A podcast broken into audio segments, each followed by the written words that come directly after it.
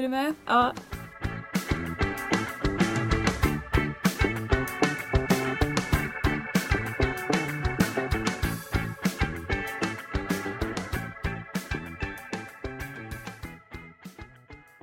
Ja, efter några avsnitt när vi varit ute på äventyr, egentligen hela avsnitten, så är vi nu tillbaka i vår studio Petra. Vår fantastiska studio. Som, vi har väl har vi saknat den?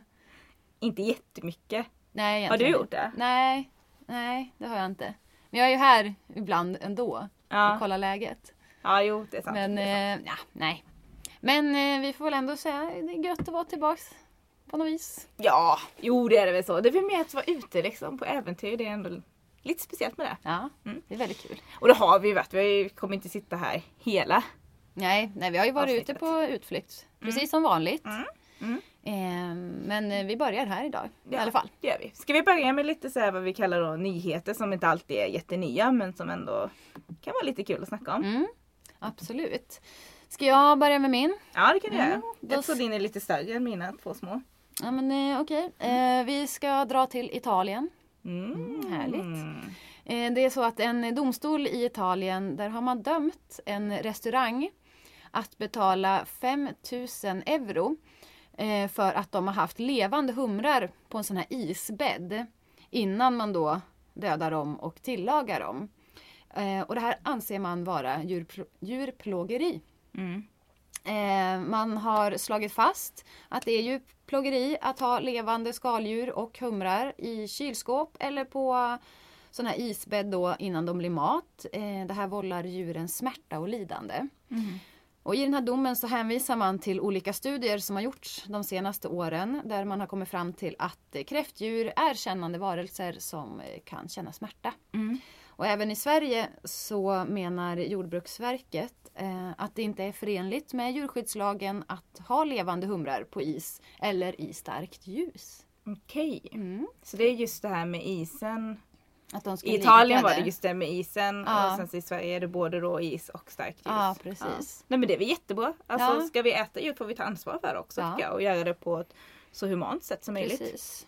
Ska Mm. inte ligga där och frysa och ha ont Nej, innan det. för att sen bli dödad och uppäten. Precis. Det låter inte så kul. Nej. Så det. Mm. Nej, det var dyra böter men eh, det var välbehövt. Mm, mm. Då kanske det sätter lite standard över Europa överhuvudtaget. Att, Mm. mhm, Man kan Watch hoppas. out, så här får man inte göra. Precis. Mm. Vi, vi hoppas på det. Ja, jag har en nyhet här av en helt annan kar- karaktär. Och rubriken är Hur söta djur kan få dig att älska din partner mer. Oh. Mm, det väcker alla möjliga sorters tankar här. Mm. Eh, Det här handlar om en eh, studie som man har gjort i USA. Och det är, väl- det är mycket man har kollat på ehm, eh, Nej men det man har kollat på är just det här eh, där soldater är borta länge från sin partner. Och då har de jobbat på ett väldigt stressande jobb och sådär och då kan det ju bli att mm, kommunikationen kanske inte blir jättebra. Och då har man velat kolla på det, hur, hur hjärnan påverkas då om man eh, att det, det, det kan påverkas negativt, att man då får negativa associationer till sin partner för att Ja, för att man utsätter varandra liksom för stress och kanske blir lite snäsig och kort Mm, och sådär. Men Du vet hur man varandra. är. Ja, du Ja. vet hur det blir med stress liksom. Det är ju fullt förståeligt liksom. Och då kan man koppla det, de här stresskänslorna till sin partner då. Och då har man kollat på detta, går det att göra tvärtom? Att man istället då tar positiva grejer Eh, och försöker lura hjärnan då till att eh, associera det med sin partner. Och det verkar ju då ha funkat. Då har man låtit par titta på bilder av valpar, bebisar och pizza tillsammans med bilder av sin partner då.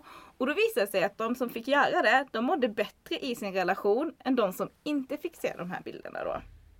Och därför tror de här amerikanska forskarna att vi kan lura vår hjärna till att må bättre i våra relationer. Djur är jäkligt bra alltså tänker Mm. Det jag. är söta djur och eh, diskmaskinen som räddar flest äktenskap alltså. Ja det verkar så. Det verkar så. Och det är just det här då med associationerna då. Ja men till exempel att ja, du kanske gillar äppelpaj för det påminner dig om din barndom eller ja, du älskade just de här byxorna för att när du hade dem på dig hände någonting kul och så. Och då kan man kanske då, ja, har de kollat på att man kan framkalla, fake-framkalla de här grejerna då kopplat till din partner. Så ja, som sagt, djur är himla bra. Men jag har en annan grej med, en, eh, en rubrik som fångade mig mitt intresse. Och då står det så här, så gör du vid getingstick. Mhm. Vad, vad är din spontana tanke Petra? Vad hade du gjort om du blev stucken av en geting? Jag vet inte, för jag har aldrig fått ett getingstick. Så jag, jag vet inte hur det känns men jag ser ju på dig att det görs förmodligen jävligt ont. Ditt liv Larry, det är därför du, ja, ditt liv måste vara så mycket enklare för att du inte har blivit styckad av en geting Ja, alltså. jag lever i harmoni. Ja, för att alltså jag, ja. Eh, min spontana reaktion, när jag, jag har inte blivit stycken på, av en geting på länge, jag kanske var 18-19 och sånt när jag blev stycken. Trodde jag var vuxen. Inte när jag blev stycken av getingen. Så att jag, min spontana tanke typ gråta järnet, lägga mig i fosterställning, ropa efter mamma och pappa oavsett hur långt bort de är. Eh, be om godis och bara att folk ska ta hand om mig. Men hur ont, alltså kan man nypa? Nej, Så, åh, så här. nej. Alltså det går inte att beskriva hur ont det gör. Jag vet inte om det här är en myt men jag har ju hört det här att det är typ så mycket smärta du kan uppleva innan du blir liksom bedövad. Alltså, för vissa saker gör ju så ont så att hjärnan typ stänger av. Mm. Men jag har hört att det typ är bland de högsta smärtorna du kan känna innan hjärnan liksom Aha. stänger av. Att, eh, ja, men menar, blir du av med en arm eller så. Folk säger ju, känner man inte så Nej. förrän efter typ. Ja, jag vet inte. Men eh, min taktik finns inte med på den här listan överhuvudtaget. Nej, okej. Att lägga sig i Det fosterställning finns och något mer eh, effektivt eller? ja precis, vill du höra lite stegen ja, lite kort? absolut. Ifall det nu, det är ändå sommar. Någon gång ska vara den första gången. Ja. Kanske blir det i sommar Petra. Då vet du att du kanske inte ska lägga dig i fosterställning som jag gör. Precis. Nej. Det kan vara bra att veta Mm. för mig som är nybörjare på detta. Steg ett, ta bort gadden. Mhm. Så då kan du tänka dig, se framför dig hur jag ligger där i fosterställning och gråter medan du bara mm, ta bort gadden. Så här liksom, mm. Funkar, då mår du redan bättre än vad jag gör. Steg två, lindra smärtan. Tårar tycker jag lindrar smärtan lite grann. Men inte på riktigt liksom. Okej. Alltså, Det är mer ändå- mentalt. Ja men precis, här, känns lite så. Eh, och då kan man ehm, eh, smärtan, det, eh, man kan sätta en sockerbit på, man kan också fukta huden och trycka en tablett. Som Trio, Bamyl eller Ipren Jaha. emot. Eh, steg två, lindra smärtan om man inte har tabletter. Och då kan man göra det genom att gnida en vitlöksklyfta mot berörda området. Alltså jag blev, alltså om du undrar varför min hand åker ner här mot insida låret, Ja, för att det var där jag blev stucken senast av den här getingen. Så det är därför jag tänker på, ah det var där det gjorde så ont. det är traumatiskt. Ja. Eh, Steg tre, medicinera vidare då. Om det uppstår svullnad och så, så tar man en allergitablett. Det gjorde det inte på mig. Eh, Steg fyra, läkarvård om man då behöver det.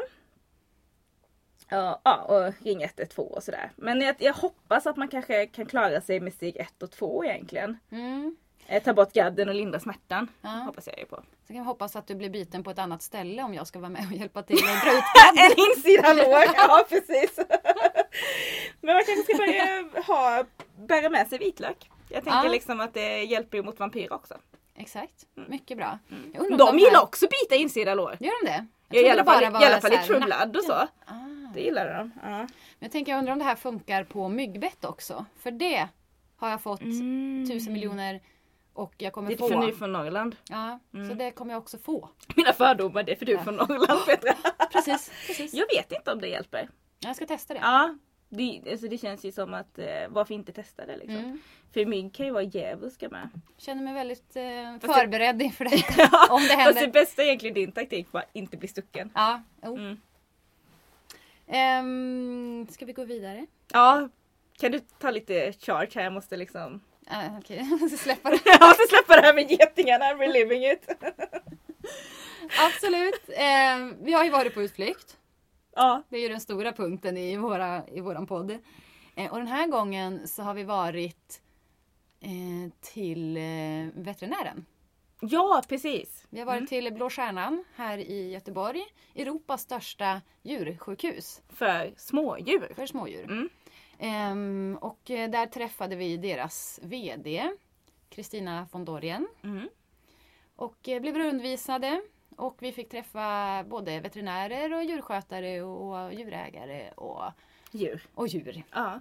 Ehm, ja. Och jag vet inte, jag har åkt förbi det här stället så många gånger. Jag har varit i väntrummet, varit med eh, några av dem. Katterna jag kattvaktar ibland och så. Eh, men jag har ju inte fattat att det är riktigt så stort som det var. Nej. Har du gjort det? Alltså på utsidan så ser det inte så stort ut. Men när man kommer in, det är enormt. Mm. Och mycket personal och vad sa Kristina, var det 40 000 40 djur om året som de behandlar. Ja. Det är ju extremt mycket. Ja. Så det är klart det kräver stora lokaler också. Men ja, det var som en gömd liten värld där Mm. tycker jag.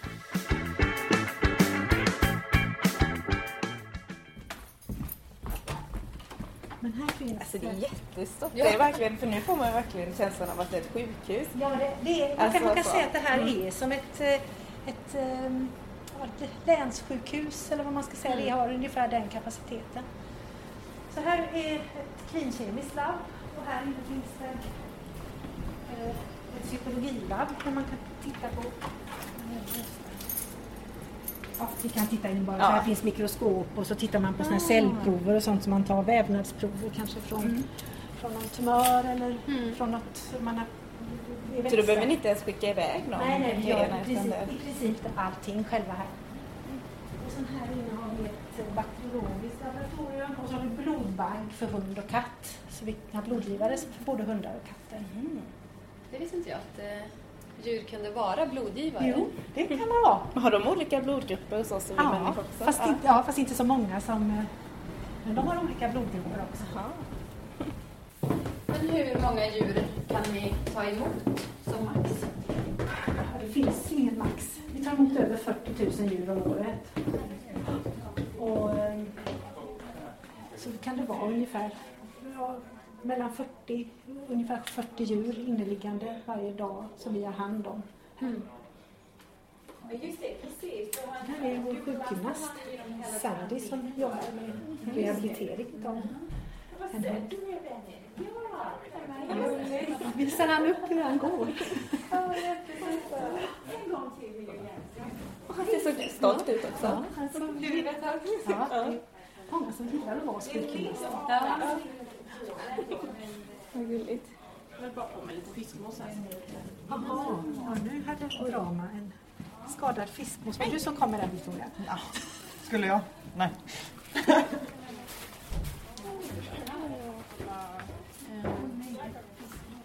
Nu får den en en spruta av humanitära skäl. Eller animala skäl. Eller allvarligt skadad. Och nu har den åkt till himlen. Går det så fort? Ja, Det var ju knappt en minut. nej, det, gick, det var sekunder där. Ja. Skönt att slippa den lida nu. Så här är lite sån backoffice kan man säga till eh, polikliniken och akuten. Men just nu är det bara akuten som är öppen. Men det är inte så bara ikväll för det är jättemånga patienter som sitter i kö och väntar. Jätte, jättemånga. Och sen är det några veterinärer och sköterskor som jobbar här på akuten nu och tar hand om, om patienterna. Och, och det är allt som från att någon som har tryckt i sig lite choklad och det kan vara dödligt för hundar så då får man kräkas. Får de något för att kräkas Ja, då? det får man. Ja. Då får de spruta med kräkmedel. Så kommer det ganska omedelbart kräks de. Ofta. Så här har vi 13 olika poliklinikrum, några som är där utanför. Och så är de lite olika utrustade. Så de här är ögonrum, så här kan man göra ögonundersökningar. Så de är helt svarta då.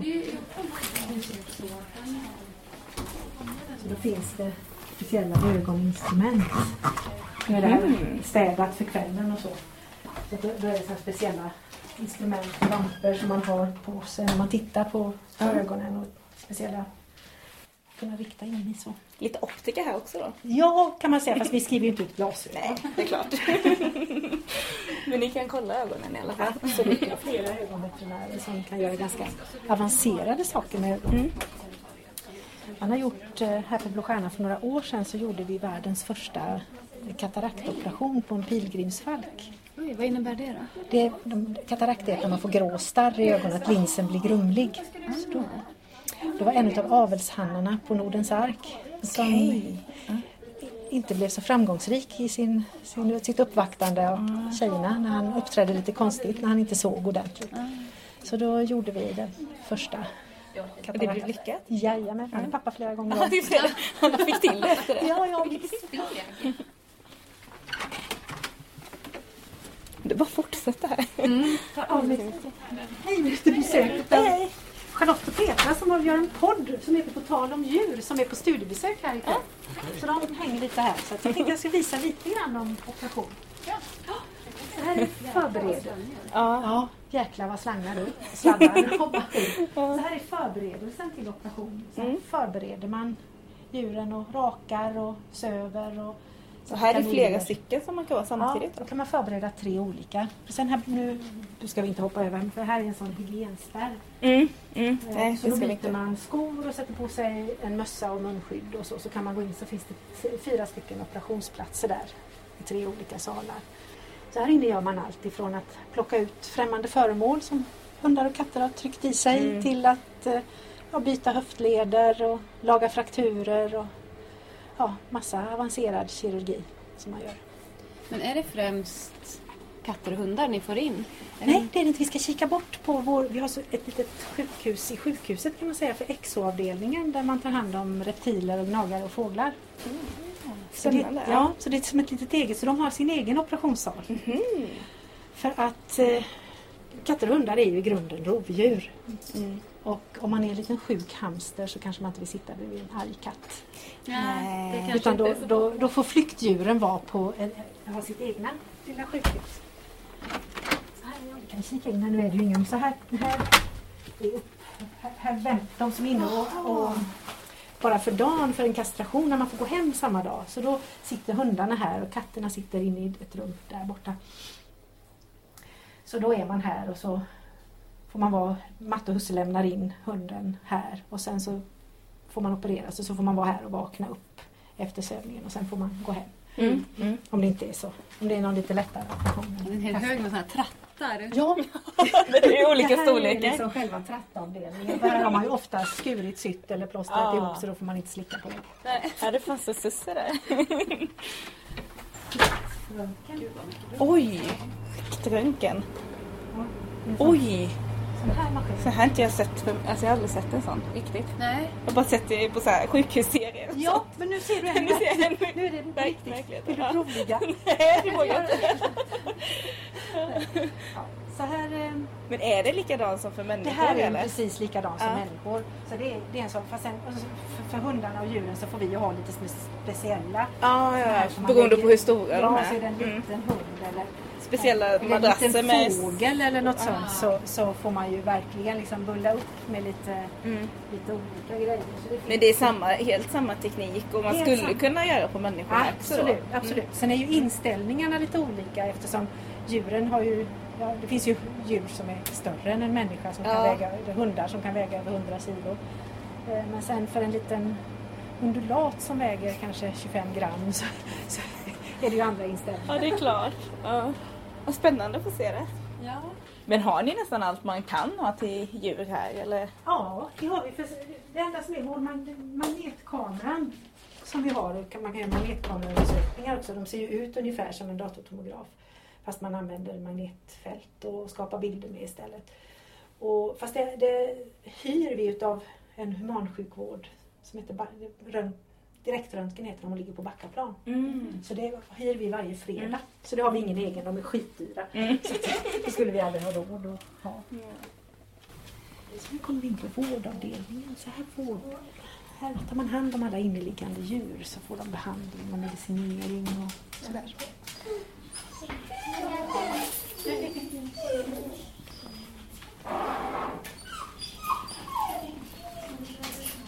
Ja, då vaknade du. Kan det vara till exempel att de, om de har ma- någon magsjuka eller kräks och diarréer då kan de bara behöva ligga här och vätskas upp på lite dropp till att få ganska avancerade medicinska behandlingar. Mm. Det kommer någon halka lite. Och här är som ligger på kräkning och diarré som får svälta inför ultra, ska göra ultraljud sen. Tycker väl att det är sådär. Ja, det är klart. Nej. Man tänker de är ju väldigt, väldigt sjuka. De som är. Så kika in på IVA, Mm. intensivvårdsavdelningen. Ja, det var just det, det var jag det. Jag, Det är svårt att lämna det här jobbet. jag ska sitta jag, nej, men jag var bara tvungen att se till vissa som man har tagit in här. Eh. Förlåt mig, jag går nu. Nu går jag.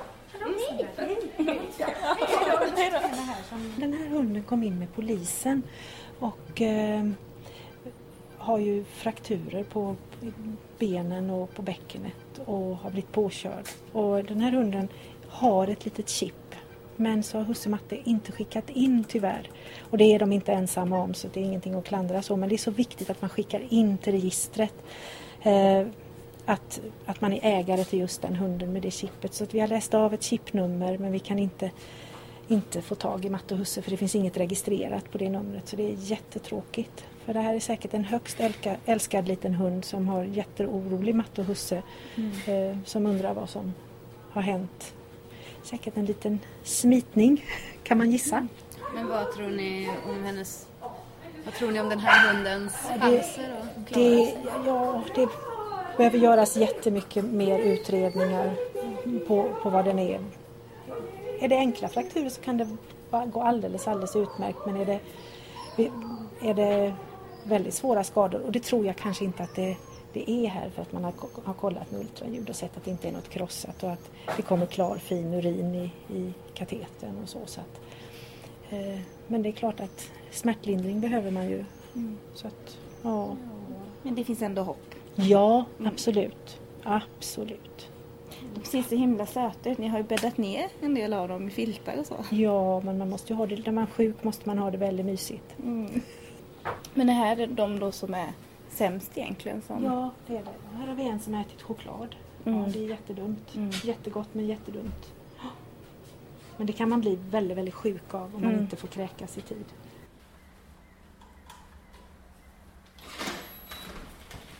Utgår för hundar med hög smittorisk. Ja, Till exempel diarré. Ja, då kommer man åt olika håll när man rastar. Och nattrastning, ja, okej det är det det är. Ja.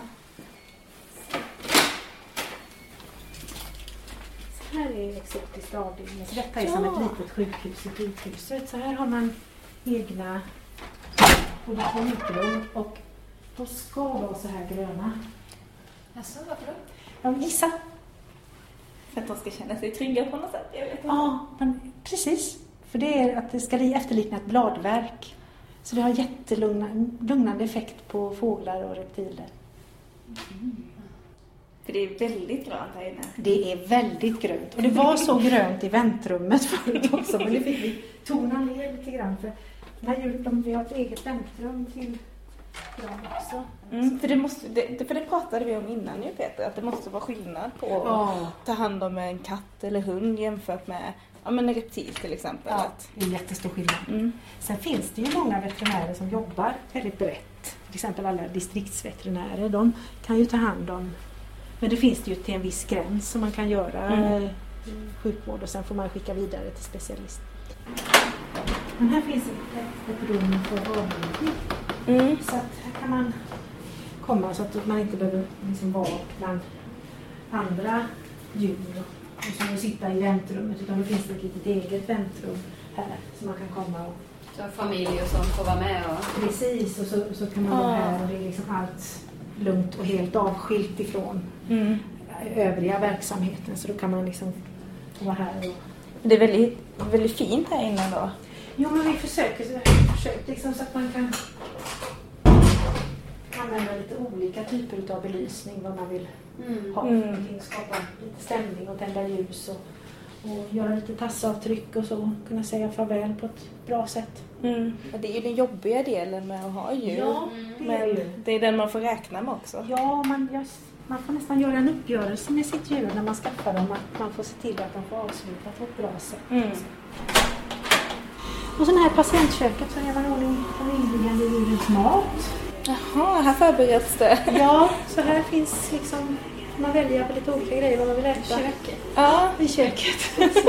och här, här fanns det resurser. Ja, och i kylskåpet så finns det torsk och räkor och skinka och korvar. Och, så att det är liksom allt räkost och sånt så att man kan falukorv och grejer. Har du någon Isabelle på gång, patient som skulle kunna vara lämplig att ha det på poddare? Ehm, ja, om ägarna tycker det. Jag ska precis gå och skriva in en chokladförgiftning. Det är massa Ja. kräk där inne. Ja. Ehm, säger ni om det tjejer? Alltså det är ju vad, vad de känner vad, är okej. vad, vad ska jag säga till dem? Fråga om de, om de, om de pratar lite med dem om hur det här, vad som hände. Och, och, Ja, Hur bra. absolut. Ja. Med dig. Men det är jättebra att hon har kräkts upp sådär mycket. Det gör ju prognosen mycket, mycket bättre. Det är ändå så här, när jag räknade, precis som jag sa till din mamma utanför, att när jag räknar på den här dosen, om det är så att hon faktiskt har fått i sig 150 mg mjölkchoklad för hennes vikt, så är det väldigt mycket. Det är så mycket att det kan vara livshotande. Eh, De kan få hjärtarytmier och hjärtat kan ja, helt enkelt i värsta fall stanna. Ehm, Och därför så rekommenderar jag, förhoppningsvis har hon inte fått i sig lika mycket. Eh, förhoppningsvis är det en mindre mängd, förhoppningsvis har hon kräkts upp det mesta så det inte ger så mycket effekter.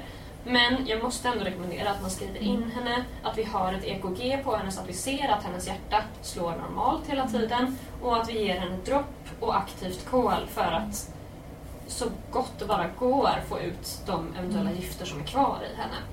Eftersom de kan bli så dåliga. Det är normalt att hon är trött nu, för de blir trötta av den här sprutan. Så just det här är inte ett sjukdomssymptom utan det är från, från sprutan.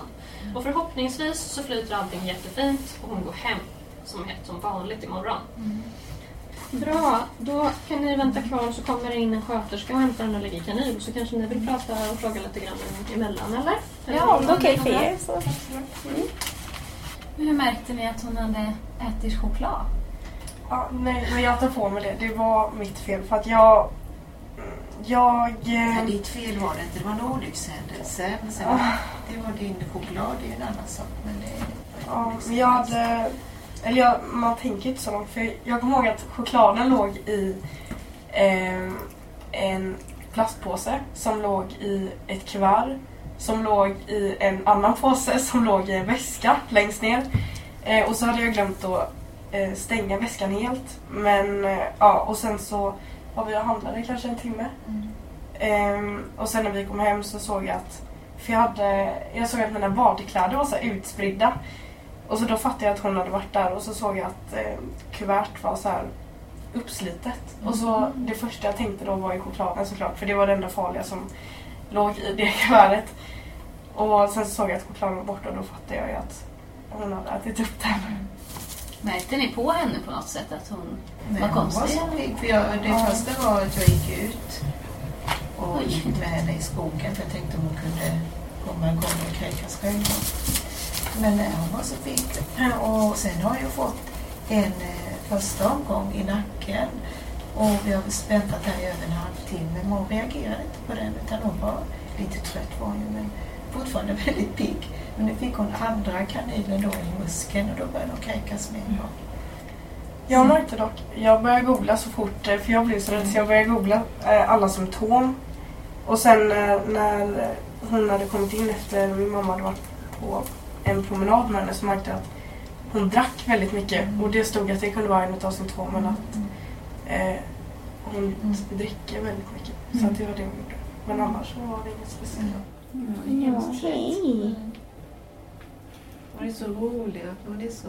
eh, Nu är ju lite omtecknad och så men den var jag så pigg och vaken. Ni hade skrivit på papper och Ja. det var klart va? Ska hon ha på halsband eller? Nej, ni kan ta med det hem så får hon låna ett här. Får du säga hej då till mapparna så länge? Vad är det du ska göra nu? Nu ska hon få en kanin och lite dropp. Och så småningom lite kol. Jo, men jag tänkte på det just eh, om du har märkt några trender. Om, om man ser tillbaka i tiden, kanske för 20 år sedan, behandlar man mer grejer idag? Man kan göra mycket, mycket mer grejer. Det- Utvecklingen har gått jättesnabbt. Jätte, jättesnabbt. Och att man idag använder metoder som man använder inom eh, humanmedicinen och, eh, ligger ju alltid lite före. Eh, men att man, att man gör minimalinvasiva, att man gör titthålsoperationer, att man använder, går in och använder helt nya tekniker och, så, och helt nya behandlingsmetoder. Man behandlar helt andra sjukdomar som man inte alls gjorde för, för kanske 10-15 år sedan. Och så just det här akuta omhändertagandet också. Så man, har, man klarar ju mycket mer skadade djur nu för tiden för att man har metoder och vet hur man ska behandla. Så att det har hänt jätte, jättemycket. Men märker ni någon skillnad, eh, man tänker från ägarnas sida också? Att man vill lägga Jo, mer tid, energi och pengar på alltså, sina djur? Det, ja, dju- djuret har gått från att ha varit ett sällskapsdjur till att ha blivit en familjemedlem. Så att det är jättes, jättestor skillnad mot eh, för kanske 10-15 år sedan. Och det är en trend som är, är helt global. Den är inte bara i Sverige utan den, den ser man över hela världen. Att, att eh, sällskapsdjuren har gått från att man, man pratar inte om att man är en pet owner utan att man är en pet parent. Så det är ett begrepp internationellt. Mm, mm. Och eh, Så det är inte bara att tekniken har blivit bättre? Nej, utan utan det är intresset. Man vill göra allt. Mm. Och ett som man kan se är Kommer man åt- många gånger, det vet jag ju när, när mina barn var små, det var antingen jag eller min man som var med till, till doktorn. Men här nere så är det ofta både husse och matte eller hela familjen som är med när ett djur blir sjukt. Mm. Och det här med att försäkra sitt djur och så också, är det också någon, någon trend, ser du någon trend i det också? Ja, det, det, tack och lov så gör man det för att, att djursjukvård kostar ju. Ju mer avancerat det är så att, och det finns ju ingen annan finansiering utan det är ju djurägarna som, som finansierar det och då är det ju gott att, att ha någon slags kollektiv finansiering som man kan se att en försäkring fungerar som. Så att eh, det kan vara bra. Mm. För Eh, jag såg något eh, inslag, jag tror det var på SVT, att det var mm, fler som la massa pengar på att eh, ge sina hundar cancerbehandlingar och sånt. Så, Mm. Alltså att de såg den trenden så jag var lite nyfiken på om Ja, med kunde se den absolut. trenden. absolut. man- Vi har en kongress här i januari nästa år som handlar om onkologi. Där det står The Oncology Patient. Så att det gör man jättemycket mer nu, eh, cancerbehandlingar, med cellgifter och så. Mm. Och strålbehandling också. Utav, Mm. Och så förstås kirurgi. Man har flyttat gränserna ganska, ganska mycket faktiskt på vad man gör och inte gör med, med sånt. Men om man, om man bortser från katter och hundar och så, om man tänker på mindre djur, då pratar du om fåglar och hamstrar. Ja, och... där, hoppar, där, där börjar försäkringsgraden att öka också för att det, det, där kan man gå in på och lura sig. Jag tror att nej, en kanin kostar inte så mycket, 150 spänn. Det, då behöver jag inte försäkra den. Mm. Men den blir ju lika älskad som en hundvalp som kostade 30 000. Det är ju liksom, det, det, kärlek eh, har- ju inga gränser för pengar så. Så att det är lika viktigt att ha kaninen försäkrad som att ha sin dyra rashund eller raskatt försäkrad. Ja. För det blir ju liksom en, en älskad familjemedlem. Men hur är det då, för, för du, du är VD här. Ja. Hur är det då liksom, ja, vad ska man säga, styra det här? Det, det, vad sa du, det var, var det Europa? Nej? Ja, Europas största Ja. smådjurssjukhus. Ja. Ja. ja, nej men det är ett... Det som är häftigt med det här stället är ju att det alltid är igång, att det aldrig stänger. Det är alltid ett nytt skift som går på och som kommer och som jobbar och det är liksom den pulsen. Och sen att man, man vet aldrig vad, man, vad som händer och hur Mm. arbetsdagen slutar. Igår var det inte alls mycket på akuten. Det var liksom ett jämnt flöde och, och väntetiderna kanske var timmar eller max var många patienter kom in direkt. Och idag har vi haft liksom 10-11 patienter i kö på akuten i princip hela dagen från tidig morgon.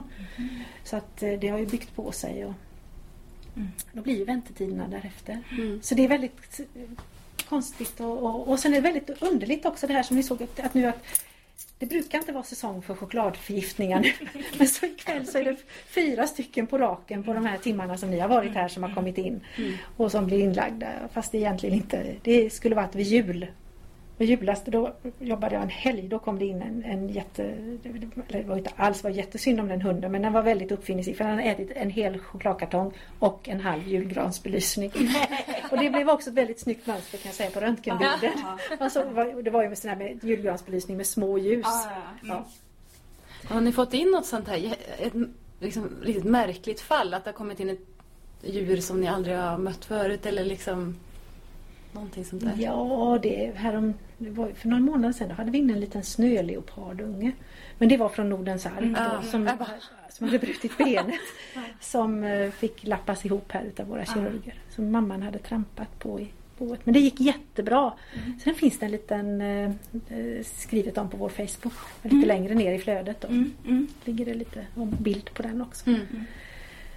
Ja, det måste ju vara lite speciellt. eh. Ja, sen kan det ju komma in spindlar av olika sorter som man har väldigt mycket konstiga, eller man, variationen och preferenserna för, för husdjur är väldigt va- varierande. Mm. Det, Det som någon är livrädd för tycker den andra är det gulligaste som finns. Det, ja. Ja, men det, är ett, det är ett häftigt ställe och det är ett jättehäftigt jobb. Mm. Ja, det är det. Ja, Ja. Jättekul att vara här. Ja. Det var kul att ni ville komma. Stort Ja. tack alltså. Tack så jättemycket. Alltså, det var ju väldigt lärorikt att vara eh, på djursjukhuset där. Men det var ju inte, vi fick inte träffa några veterinärer som var kirurger eller så. Nej, eh, det hade jag gärna velat göra för man undrar ju hur det är att ehm, operera ett väldigt litet djur. Mm. Man tänker som en undulat eller någon kanariefågel eller någon liten ödla eller något. Alltså det måste vara så extremt pilligt. Mm. Men ehm, vi kunde ju inte träffa någon kirurg. Men däremot så i Blå Stjärnans egen tidning Mm. så finns det en intervju med en veterinär som heter eh, Katarina Evans. Eh, och hon opererar både små och stora djur. Det måste ju vara så stor skillnad. Ja, eh, hon, eh, hon säger att om man till exempel då tar en undulat, en väldigt liten fågel. Mm. Den har bara 3 milliliter blod i hela kroppen. Och det är ungefär som tre kryddmått. Det tänker jag är rätt så lätt att eh, råka slarva Ja, bort. en droppe blod som försvinner Mm. är ju extremt mycket. Mm. Eh, och då får man då använda speciella instrument med radiovågor som gör att eh, blodet koali, ko, Ja, vad är det Koagulerar. Ja, så tror jag det heter. Precis. eh, när man då ska skära för att man minskar blodsförlusten på det Mm, sättet. Eh, men ja, hon säger också att det är väldigt pilligt att operera små djur. Eh, och det är svårt att hitta tillräckligt små instrument. Ja, Jag det tänker måste ju vara liten jättesvårt. kniv det måste vara. jag menar en sån här skalpell man har till människor. Mm. Det är ju bara hela fågeln borta typ. Ja. Nästan. Det Inte är- riktigt men, ja, men ja. mer eller mindre. Ehm, och det är olika tekniker också hur man söver små djur. Då söver man dem på samma sätt som man söver barn. Med sån Ah. öppen mask. Eh, och hundar och katter så söver man med samma metod som man söver vuxna människor. Okej. Som med en slang och så här intravenöst Mhm. och, och så. Jag har aldrig det- blivit sövd, jag vet inte hur man gör. Nej, inte jag heller. Ehm, men det är väldigt spännande tycker jag. Och det måste Mm, vara mm. extremt svårt. Ja, ja, Det ja. är ja. häftigt att de klarar av att göra det. Absolut och jag tänker att anatomin överhuvudtaget måste se väldigt olika Mm. ut med. Inte bara att vissa djur, djur är väldigt små och en del är jättestora men just att de ser väl inte likadana ut i sin anatomi heller. Nej, så bara det är ju också en utmaning. Mm. Kan man Ja, ju tro. häftigt. Ja, Jättehäftigt. jättehäftigt. Eh, Jag tyckte det var lite kul också att eh, trots att vi var där mitt i sommaren så fick vi ju se lite hur det kan se ut eh, runt jul. Ja, För det var ju väldigt många fall av chokladätande hundar. ja.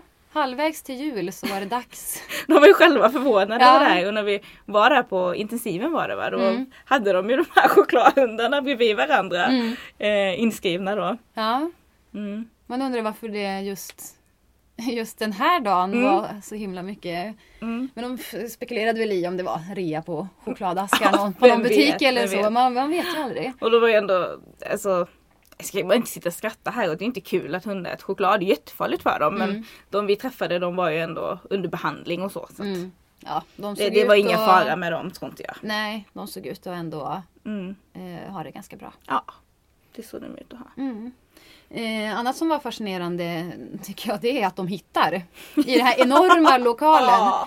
Det var korridor på korridor på korridor, det var rum överallt och ja, vi, Jag tycker jag har bra lokalsinne men jag Mm. hade inte hittat ut för mitt liv tror jag. Hade vi inte haft eh, Kristina med oss så hade vi ju aldrig hittat ut. Då hade det inte blivit något poddavsnitt för vi hade inte hittat ut. Stort lunchrum och så sitter ekonomiavdelning, personalavdelning. Här inne jobbar kundservice. Så här är ett klinkemiskt labb, cytologilabb. där Man kan, och sen här inne har vi ett bakteriologiskt laboratorium och så har vi blodbank för hund och katt. Så här är ett litet sån backoffice kan man säga, 13 olika poliklinikrum. Det här är förberedelsen till operation, fyra stycken operationsplatser där. Här är här, här vänt, de som är inne och, och bara för dagen för en kastration när man får gå hem samma dag. Så då sitter hundarna här och katterna sitter inne i ett rum där borta. Sen har vi en sån vanlig digital röntgen. Så en sån ultraljudsmaskin. Här inne har vi sån eh, datortomografi. Jag ska fortsätta längre och längre in i huset faktiskt. Alltså, jag vet inte om jag hittat tillbaka Nej, nu men jag faktiskt. gör det så att du ska vara helt. Ja, det, det tror jag på. Och sen här inne gör vi hjärtultraljud. Så nu kommer vi in på vårdavdelningen. Vi ska kika in på IVA, intensivvårdsavdelningen. Här är tandavdelningen. Här är exotiskt avdelning. Så de har egen, eget väntrum och egen ingång. Och, och här inne är vårdavdelningen. Och här har Exo sin operationssal. Så här är deras förberedelse och då är det röntgen ihop djur som har smittsamma sjukdomar. De ligger inlagda här. Men här finns ett, ett rum för avgiftning och det finns ett litet eget väntrum. Och sen där inne är en kyl för där man förvarar de döda djuren. Och sen här patientköket. Ah, simhall. simhall. Nu är vi tillbaka här. Ja, alltså till och med när vi sen eh, kom tillbaka till den här kontorsdelen Mm. så hade jag ju tappat alltså, väderstrecken helt och hållet. Mm. Jag trodde vi var utanför Kristinas kontor. Och sen när hon sa, ah, men ska vi hämta era grejer som vi hade lämnat på hennes kontor. Då började hon gå till ett annat håll och jag fattade ingenting. Så Nej. att, ja, det var många, det var svårt att hålla koll på var man var där. Men Ja. det var jättekul besök. Ja, det var det verkligen. Imponerad av alla som lägger sin själ på det. Hon som inte ville gå hem till exempel. Ja, också väldigt Mm.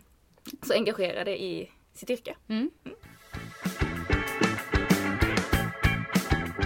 Så till sista programpunkten då. Ja, eh, nu är det ju så att vi kommer faktiskt ha lite semester. Ja. Lite sommaruppehåll. Mm.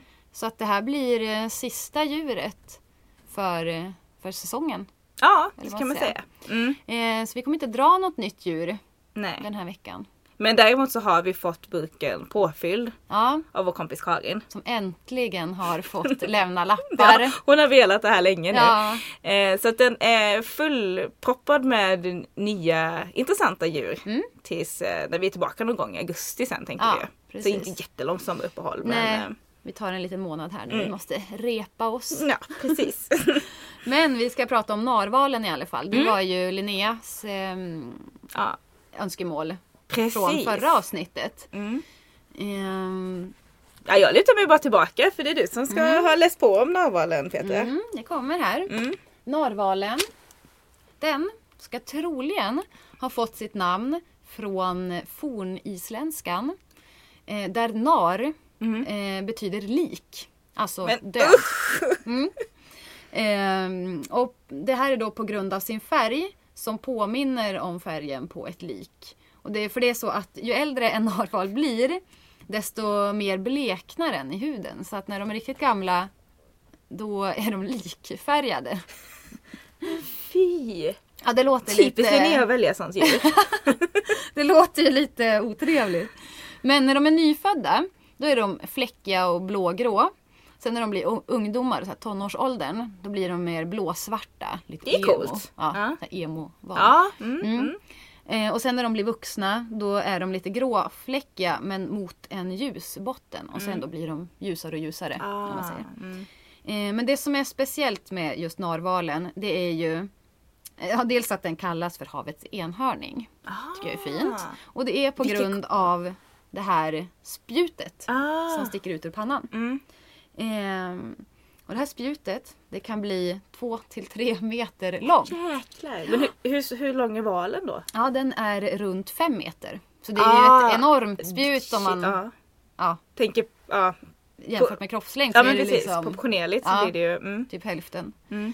Ehm, och det här spjutet det är egentligen eh, den vänstra hörntanden som växer ut genom huden. Så de har typ pannan. en tre Tre meter lång tand. Ja, det är precis som vildsvinet Ja. som eh, betarna var hörntänder. Ah, Det är precis. samma koncept här. Men det är bara en. Men de kan Ah. ha två. För Mhm. hos en del så växer även den högra hörntanden ut. Liksom. Så han har två spjut. Eh, och eh, hos en del de har inget spjut. Ehm, och man har tänkt att ehm, det är främst eh, hanar som har de här spjuten. Men även honor har det. Ehm, inte lika många då, men ändå. Eh, vad de har de här spjuten till, det är lite oklart. Eftersom både hanar och honor kan ha dem. Mm. Man har ju tänkt att det är hanarna som slåss med de här. Mm. Ja men det är ju en spontan tanke. Ja, Mm. precis. När de ska fightas om kvinnornas, honornas gunst. Mm. Eh, men man tänker också att det kan vara ett Eh, form av sinnesorgan som har massa nerver i sig så att de kan liksom känna av vattnet, känna vibrationer och sånt här om det skulle då komma ett hot. Ehm, och de väger mellan 800 till 1600 kilo. Så det är ganska tungt om man säger så. Mm. En nyfödd en liten narval väger cirka 80 kilo och är 150 till 170 centimeter lång. Det är rätt stor bebis Det är en alltså. jättebebis men de föder bara en Ja, åt gången. jo, mm, mm. inte så sniglarna sådär 400 ägg. Nej, precis. Det hade varit jobbigt. Fruktansvärt. Eh, De finns i norra ishavet. Mm, flest i norra Kanada och Grönland. Men de kan även finnas vid Svalbard och eh, nordvästra Ryssland. Och de lever nära isarna. Det här gör ju att det blir lite komplicerat nu när eh, havets isar det. smälter. Mm. Så eh, hotas narvalarna. Och det är av späckhuggarna som eh, det är deras liksom naturliga fiende om man säger. De letar sig ju allt högre upp när de simmar under sommaren. Eh, så nu börjar de komma in på narvalarnas vatten. Och det är liksom de som äter upp dem. Men eh, som i de flesta fall när det gäller djur som är hotade så är ju vi människan också en del av det hela. Ja, det är väl vårt fel att isarna smälter liksom. Precis, nummer ett. Ehm, men också i och med att de smälter så ökar ju sjöfarten i de här områdena där det tidigare har varit is. Ehm, och det blir mer storskaligt fiske, utsläpp av mineraler, olja och olika gaser och sånt. Och eftersom ehm, eh, narvalen är en fiskätande val, den äter andra fiskar, så får den ju i sig massa olika giftiga ämnen som liksom samlas och lagras i fettet på fisken. Så de kan ju liksom få i sig massa olika massa olika giftiga ämnen i fettet och som samlas i olika organ i kroppen och sådär. Och det kan vara kvicksilver och bly och eh, kadmium har man hittat i deras lever och njurar. Men Så att de drar ju åt sig det här Mm. genom sin mat. Mm. Men narvalen är i alla fall internationellt skyddad. Eh, och den får bara jagas av inuiter i Kanada och på Grönland. Okej. Eh, de får jaga om det var runt 150-160 stycken per år. Och det finns runt eh, 23 000 narvalar. Mm. Så att ehm, det är ändå en lagom mängd Mm. har man räknat ut Mm. jämfört med hur stort bestånd det faktiskt finns. Mm. Ehm, I och med det här spjutet som vi pratade om tidigare, eh, enhörningsspjutet, det Mm. är ju väldigt långt och så är det lite snurrat så här så det ser verkligen ut som ett enhörningsspjut. Ah. Ehm, och eh, tidigare i historien så har man då trott att det här spjutet har liksom magiska krafter. Ehm, som att eh, om man blir förgiftad så kan det här eh, spjutet förhindra döden. Eh, om man då, ja, jag vet inte exakt vad man gör med det Nej. liksom, men eh, man ska ha det i alla fall. Mm. Ehm, eh, och det här spjutet är sedan 900-talet det dyraste elfenben som finns. Så eh, rika förr hade det gjorde koppar av det här spjutet. Och eh, den danske kungen Kristian femte, han ska ha blivit krönt på en stol som är gjord av narvalsspjut. Gud vad sjukt. Ja, för att han då skulle, Ja, vet jag, precis. få Det lycka och välgång i sitt eh, härjande som kung. Eh, men eh, jag vet inte om det var så, om det gav någon effekt faktiskt. Nu vet jag inte exakt när den här kungen levde. Men jag menar de Nej. förlorade ju Sverige och sådär. Svenska Ja. delarna, typ Blekinge Precis. och Skåne och Halland och sånt. Men det, jag vet inte när han levde. Kanske Nej. i fel tid. Men om det bringade så Kommer mycket inte tur, det vet, det vet man ju inte. Nej. Ehm, Ja, men det var det. Om Alltså jag blir fascinerad kring det här att det dels då Alltså ytterligheterna bara enhörning som känns eh, väldigt så här vackert och eh, nästan lite evigt livaktigt och sen Mm. bara lik. Du ser ut som ett lik. Mm. Det- Alltså det är de ytterligheterna liksom. Sen undrar jag, hur känns det när det här hornet börjar växa ut? Ah. Alltså när små barn, när deras tänder växer så Ah. kan de ju bara gråta. Snacka om tandvärk Ja, ja. hur känns det? När det börjar pressa ut genom Ja. huvuden i pannan. Och ska bli så långt också. Ja men det känns väl som ett bra djur att avsluta den här säsongen Mm. med, tycker jag. Med magiska krafter. Mm. Vad ska du göra på din semester nu då Petra? Jag ska åka upp till Kramfors och eh, träffa Floyd. Ja. Umgås med katten. Brukar han vara lite sur på dig? Eller Ja. liksom, hur brukar han reagera när du varit borta Mm. länge? Han kan vara lite tjurig i början. Att han tittar på en och säger aha, mhm. låtsas som Mm, ingenting mm. eller bara slänger ett litet en blick sådär. Ja. Är du här nu igen? Ja. Men sen, efter ett tag, Kan du muta honom lite sådär? Snabba på processen med lite mat eller? alltså Kel han eller sådär, eller äter hur? ju hela tiden känns det som. och så tvångs, eh, jag tvångsmyser ju. Måste jag alltid lyfta upp och bara Ah, mm, så här, ah. och så vänder han huvudet bort så, så långt bort han kan. Ah, bara för att markera typ. Ja, Mm. men sen eh, när man har gått och lagt sig så brukar jag alltid krafsa lite så här. På dörren. Mm. Då ska han in. Ja, men då har han hunnit lugna ner sig lite kanske. Mm. Bara, mm, Okej då. Ja, Nu har jag surat tillräckligt länge liksom. Ja. Mm. Så brukar jag ligga där och mysa och sova Mm. ihop. Det låter jättehärligt. Ja, vad ska du göra Charlotte? Ja, jag ska åka hem till min mamma och pappa, min bror och ehm, hans familj är där nere också sen. Eller inte nu, men när jag ska åka dit så är de också där på besök. Mm. Träffa mitt brors barn och ja, tror jag kommer träffa en hel del hundar. Vi ska ha lite släktträff brukar vi ha. Då är det många i min släkt som har hundar. Gud vad Så då får jag nog träffa lite hundar i alla fall. Mm. Sen grannarna har lite katter och sådär så jag kan nog snika till mig lite gos. Hoppas jag. Hålla chokladen borta Precis. Ja, det ska jag göra. Definitivt. Vi ska försöka uppdatera er lite, lite smått under semestern. Eh, på vårt Instagramkonto. Mm. Vi vill ju definitivt se Floyd. Ja, ja, men han ska få skicka en Mm. sommarhälsning tycker Mm. jag. Det, det får han Men göra. vänta några dagar så han har blivit lite glad Ja igen. men precis, en trevlig Floyd. Ni får se och inte en sur pappa. Precis. Men så håll utkik där, på tal om djur. Mm. Bara gå in och följa. Eh, och så hörs vi igen i, i augusti då. Ja, det gör vi. Glad sommar! Glad sommar!